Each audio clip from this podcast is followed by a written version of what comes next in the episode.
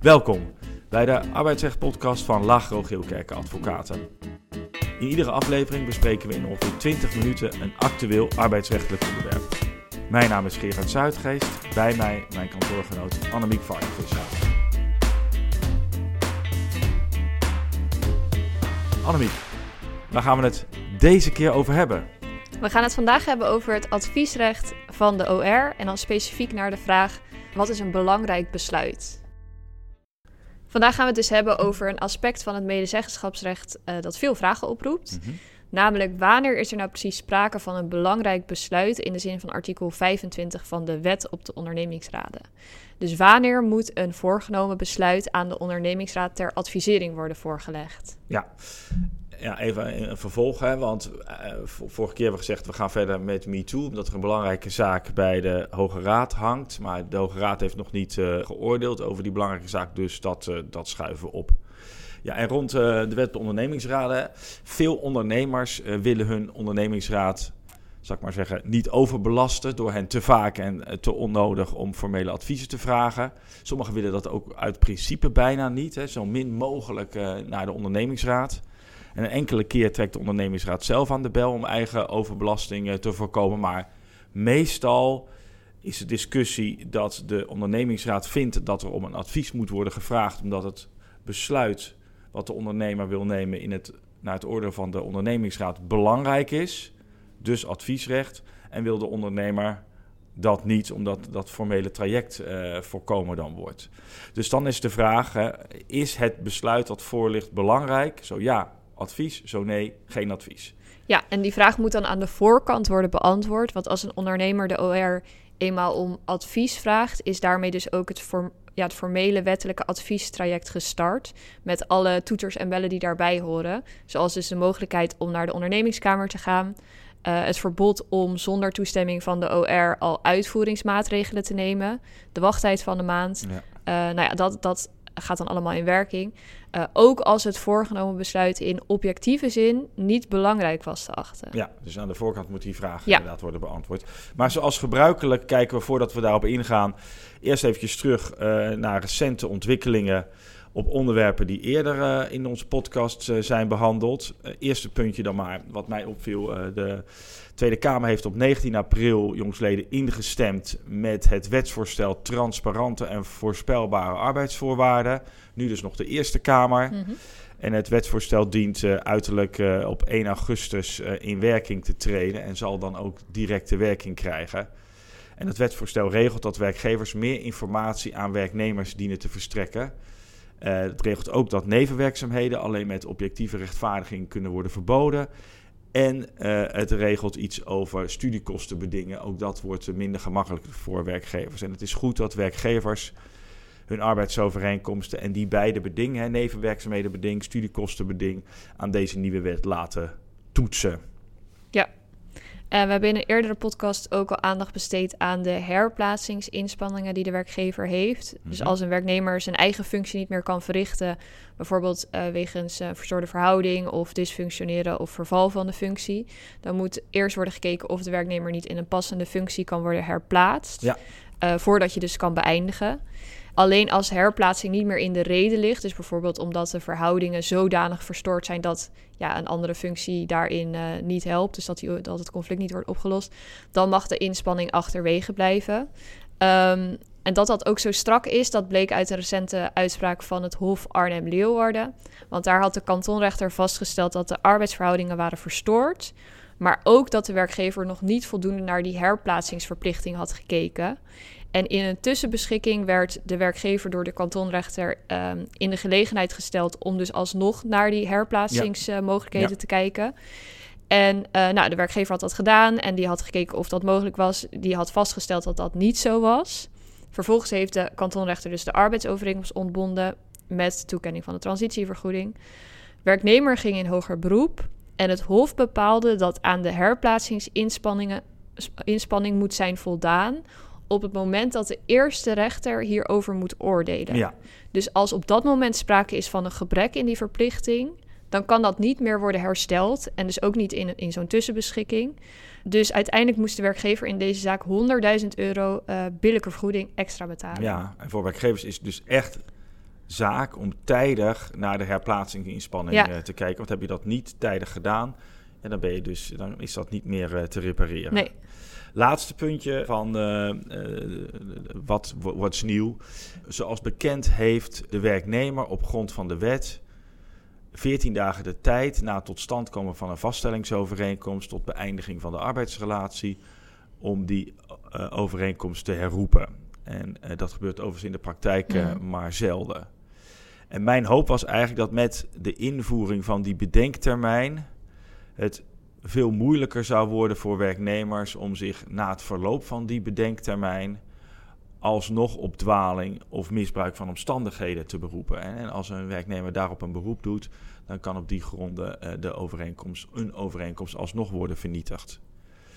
Maar eh, uit zeer eh, recente eh, rechtspraak van het Hof den Bosch volgt dat die vernietigingsmogelijkheid eigenlijk nog springlevend is. En het ging in die zaak om een werknemster die 30 jaar in dienst was bij haar werkgever. Zij had zich ziek gemeld.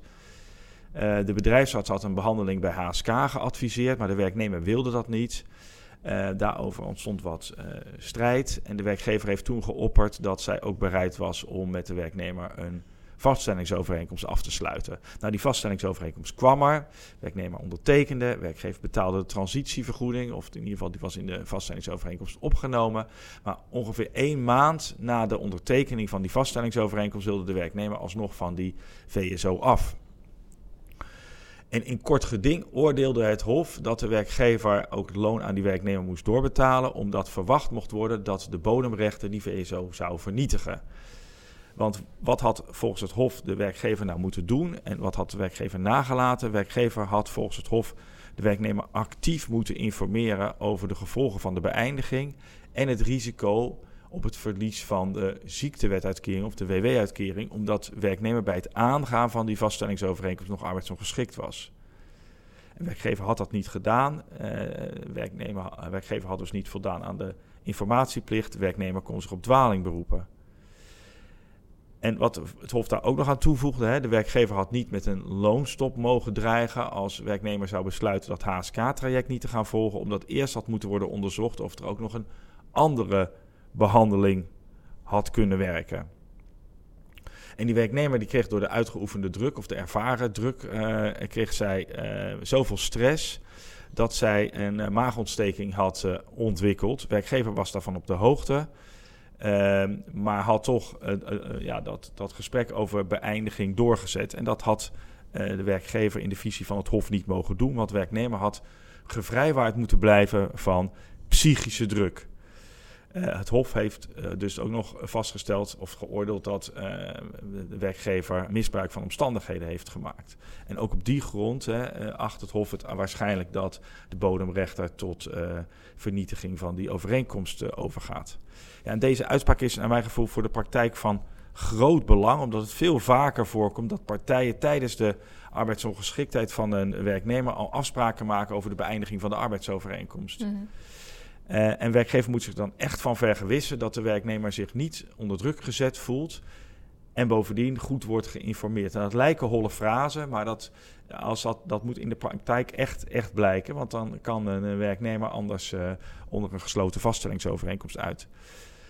Nou, is er dan voor een werkgever niks te doen om te voorkomen dat dit uh, plaatsvindt? Ja, dat denk ik wel. De werkgever kan wat doen. De werkgever kan borgen dat de werknemer zich juridisch laat bijstaan, want als de werknemer zich juridisch laat bijstaan en er komt tijdens arbeidsongeschiktheid toch een vaststellingsovereenkomst, ja, dan zie ik eigenlijk geen ruimte meer Nee. voor uh, misbruik van omstandigheden of dwaling.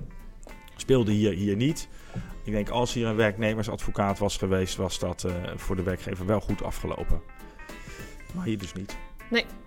Oké, tot zover de recap, denk ik. Dat tot zover. Laten we naar de wet op de on ondernemingsraden gaan. We beginnen natuurlijk bij de wet. Zeker. En zoals bekend moet op grond van artikel 25 van de Wet op de ondernemingsraden aan de ondernemingsraad advies worden gevraagd over bepaalde voorgenomen besluiten.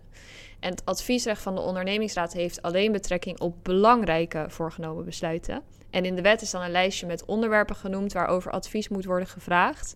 En bijna bij elk onderwerp staat dan ook expliciet belangrijk. Dus Mhm. bijvoorbeeld een belangrijke inkrimping, uitbreiding of andere wijziging van de werkzaamheden van de onderneming. Uh, of bijvoorbeeld het doen van een belangrijke investering ten behoeve van de onderneming. Ja, dus dan is bij het adviesrecht de vraag belangrijk: wanneer is het besluit belangrijk? ja, precies.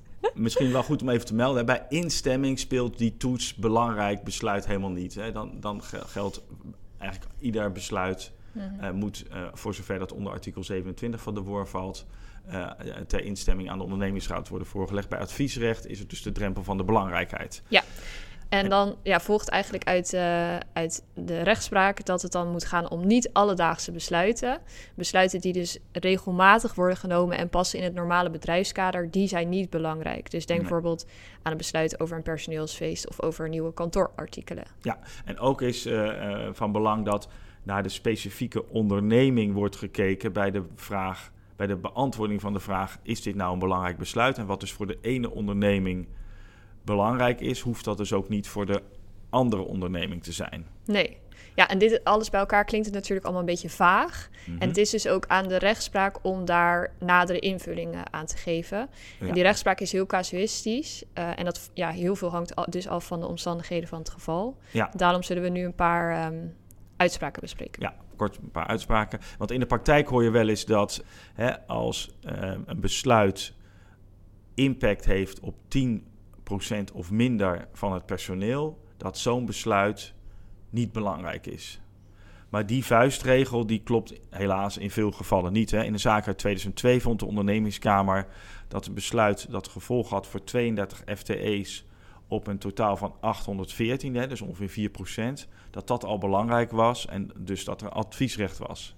In datzelfde jaar oordeelde de ondernemingskamer dat een beslissing van de Nederlandse spoorwegen om niet mee te doen aan een aanbesteding gevolg had voor 62 FTE's op een totaal van 10.000 werknemers, dat dat ook toch een belangrijk besluit was. Mhm. Dus adviesrecht. En daarbij speelde volgens de ondernem ondernemerskamer mee dat het om een kernactiviteit van de Nederlandse spoorwegen ging. En dus dat de aard van de onderneming aan de orde was. Ja.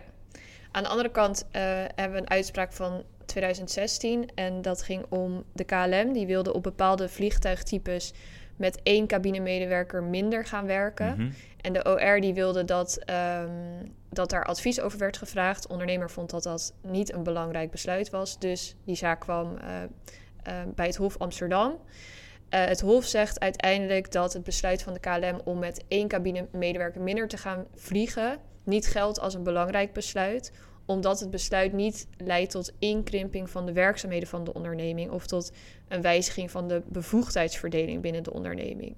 Dus het leidt wel tot een verhoging van de werkdruk, omdat er natuurlijk één iemand minder op een mhm. vliegtuig aanwezig is. Maar uh, er, er, komt geen arbeidsplaats te vervallen en de functies wijzigen ook inhoudelijk niet. En dat is dan voldoende voor het Hof om te zeggen dat het niet belangrijk is. Ja. Uh, ook een uitspraak van uh, in, de, in een kwestie tussen ondernemingsraad tegen een, een vakorganisatie. Daar ging het om het verlies van, een arbe van het arbeidsplaats van één werknemer, omdat bepaalde activiteiten naar een ander deel van de vakorganisatie werden overgeheveld. Daarvan zei het Hof, nou dat kan niet als een belangrijke inkrimping worden gezien. Het ging om één werknemer ten opzichte van 53 die bij die, dat deel van de, van de FNV werkte. Uh, en ook bijvoorbeeld het verminderen van het aantal speeltafels in een casino, waardoor zes arbeidsplaatsen vervielen op een totaal van 294, werd niet belangrijk geacht. Daar speelde overigens ook, net als in die KLM-kwestie, geen gedwongen ontslagen. Het laten vervallen van 1,2 FTE's in een zorginstelling, ook zonder uh, gedwongen ontslagen, was ook niet belangrijk. Dus er is wel een ondergrens. Hè, en als je daaronder komt, is het niet belangrijk. Maar waar die ondergrens ligt, is niet eenvoudig in algemene termen te vatten. Hè, van belang is het is bij de beoordeling gaat het om ingrijpen in een kernactiviteit. Ja, dan is het sneller een belangrijk besluit. Zo nee, dan is er meer ruimte om uh, te oordelen dat het niet belangrijk is. Gaat het om vervallen van arbeidsplaatsen? Ja, dan, dan kan eigenlijk alleen bij zeer geringe, in absolute getallen gemeten inkrimping dat niet als belangrijk gelden. Eigenlijk zou ik zeggen, als er een arbeidsplaats vervalt en dat leidt tot een gedwongen ontslag, is het al snel belangrijk. Vervallen er geen arbeidsplaatsen, geen gedwongen ontslagen, dan heb je als ondernemer wat meer, uh, wat meer ruimte. Derde is wat je ook veel in de rechtspraak terugziet. En wat, eh, als het om een proef gaat, hè, sprake van een korte tijdspanne, een omkeerbaar besluit. Dan is zo'n besluit, een proef, niet belangrijk. Tenzij het belangrijk wordt op grond van de gevolgen voor het, voor het personeel. Ja. ja, dus dat zijn inderdaad een paar uh, handvatten. En uit de rechtspraak blijkt bijvoorbeeld ook dat het opknippen van een reorganisatie in kleinere reorganisaties dat dat niet werkt als, als dat een poging is om onder het adviesrecht uit te komen. Dus ook die kleine reorganisaties moeten dan in het grotere geheel worden beoordeeld. Ja, als het onderdeel is van iets, een groot, grote ja. plan, ja. ja. Um, zelfstandige, kleinere reorganisaties kunnen wel soms niet als uh, belangrijk gelden. Ja, dus eigenlijk geldt, hè, dat, is, uh, dat is denk ik wel de vaststelling, uh, dat je van geval tot geval heel precies moet kijken en beoordelen of in deze onderneming dit besluit al dan niet als belangrijk geldt. En uh, dat moet je dus ook aan de voorkant doen. Maar wat kan trouwens de ondernemingsraad eraan doen als men meent dat er sprake is van een belangrijk besluit, maar de ondernemer de zaak toch niet aan de ondernemingsraad wil voorleggen? Ja, dan kan de OR twee dingen doen. Of de kantonrechter verzoeken om te bepalen dat het adviesrecht wordt nageleefd. Of in beroep gaan bij de ondernemingskamer tegen het genomen besluit. Uh, waarover dus advies had, moet worden, had moeten worden aangevraagd volgens ja. de OR. Ja. En in de praktijk zien we eigenlijk dat ondernemingsraden altijd voor het tweede kiezen. Dus dat ze naar de ondernemingskamer gaan. Uh, en dan moet het beroep door de OR worden ingesteld binnen een maand nadat de OR van het besluit in kennis is gesteld. Laat men die termijn verlopen, dan staat het besluit vast en dan kan de OR daar dus ook niks meer aan doen. Nee. Uh, ja, in, in de praktijk zorgt een geschil over de vraag of er al dan niet sprake is van een belangrijk besluit Overigens in mijn beleving maar tot een beperkt aantal gevallen, maar tot een gerechtelijke procedure. Want meestal laat de ondernemingsraad het erbij zitten. Dus ja. Er zijn ondernemers die zeggen, nou, ik weet eigenlijk wel dat het ja, misschien wel een belangrijk besluit is, maar ik leg het toch niet aan de ondernemingsraad voor. In de hoop en de verwachting dat de ondernemingsraad het erbij laat zitten. Ja. Um, maar mijn ervaring is dat dat wel vaak leidt tot een verstoring van de verhoudingen tussen ondernemingsraad en, onderneem en, en ondernemer, die nog jarenlang eigenlijk kan dooretteren. Mm. Juridisch kan de werkgever dan wel gelijk hebben of soms ook gelijk krijgen, maar dat comes with a price. Ja. En is er dan uh, volgens jou ook een soort tussenweg? Ja, wat je dan wel ziet, hè, uh, is dat de ondernemingsraad niet formeel om advies wordt gevraagd maar de, ondernemer, uh, de ondernemer de ondernemingsraad wel om een beoordeling vraagt. Hè. Ja. Uh, er wordt ook, ook expliciet bijgezet gezegd van nou, dit is geen adviesaanvraag in de zin van artikel 25 woord, maar we willen wel graag jullie mening horen en we zullen dat ook meewegen. En dat kan je denk ik als ondernemer ook best een aantal keren doen. Moet ook niet een trucje worden om de, het formele nee. adviesrecht te, te om, omzeilen. Maar als de ondernemingsraad uh, het gevoel blijft houden, deze ondernemer die weegt onze beoordeling ook daadwerkelijk mee, dan kan het een mooie tussenweg zijn uh, en uh, een ruzie over de vraag of het al dan niet belangrijk is voorkomen. Ja, want dan heeft de OR alsnog het gevoel dat ze echt gehoord worden. Zeker, ja. zeker. Ja. ja. Oké, okay, ik dat denk dat medezeggenschap is. Ja, precies. Daar is het natuurlijk voor bedoeld. Zeker. Um, dat was denk ik voor deze keer. Dat was het, yes. Volgende keer gaan we het hebben over, ja, weten we eigenlijk nog niet goed. Het kan gaan over MeToo als de, als de Hoge Raad uh, heeft geoordeeld. Ja. Het zou ook nog over werknemersparticipatie uh, kunnen gaan, maar anders een ander actueel onderwerp. Want ja, zo gaat het in het arbeidsrecht. De ene keer is dit actueel, Precies. de andere keer ja. is dat actueel. we willen jullie danken voor het luisteren en tot de volgende keer. Tot de volgende keer.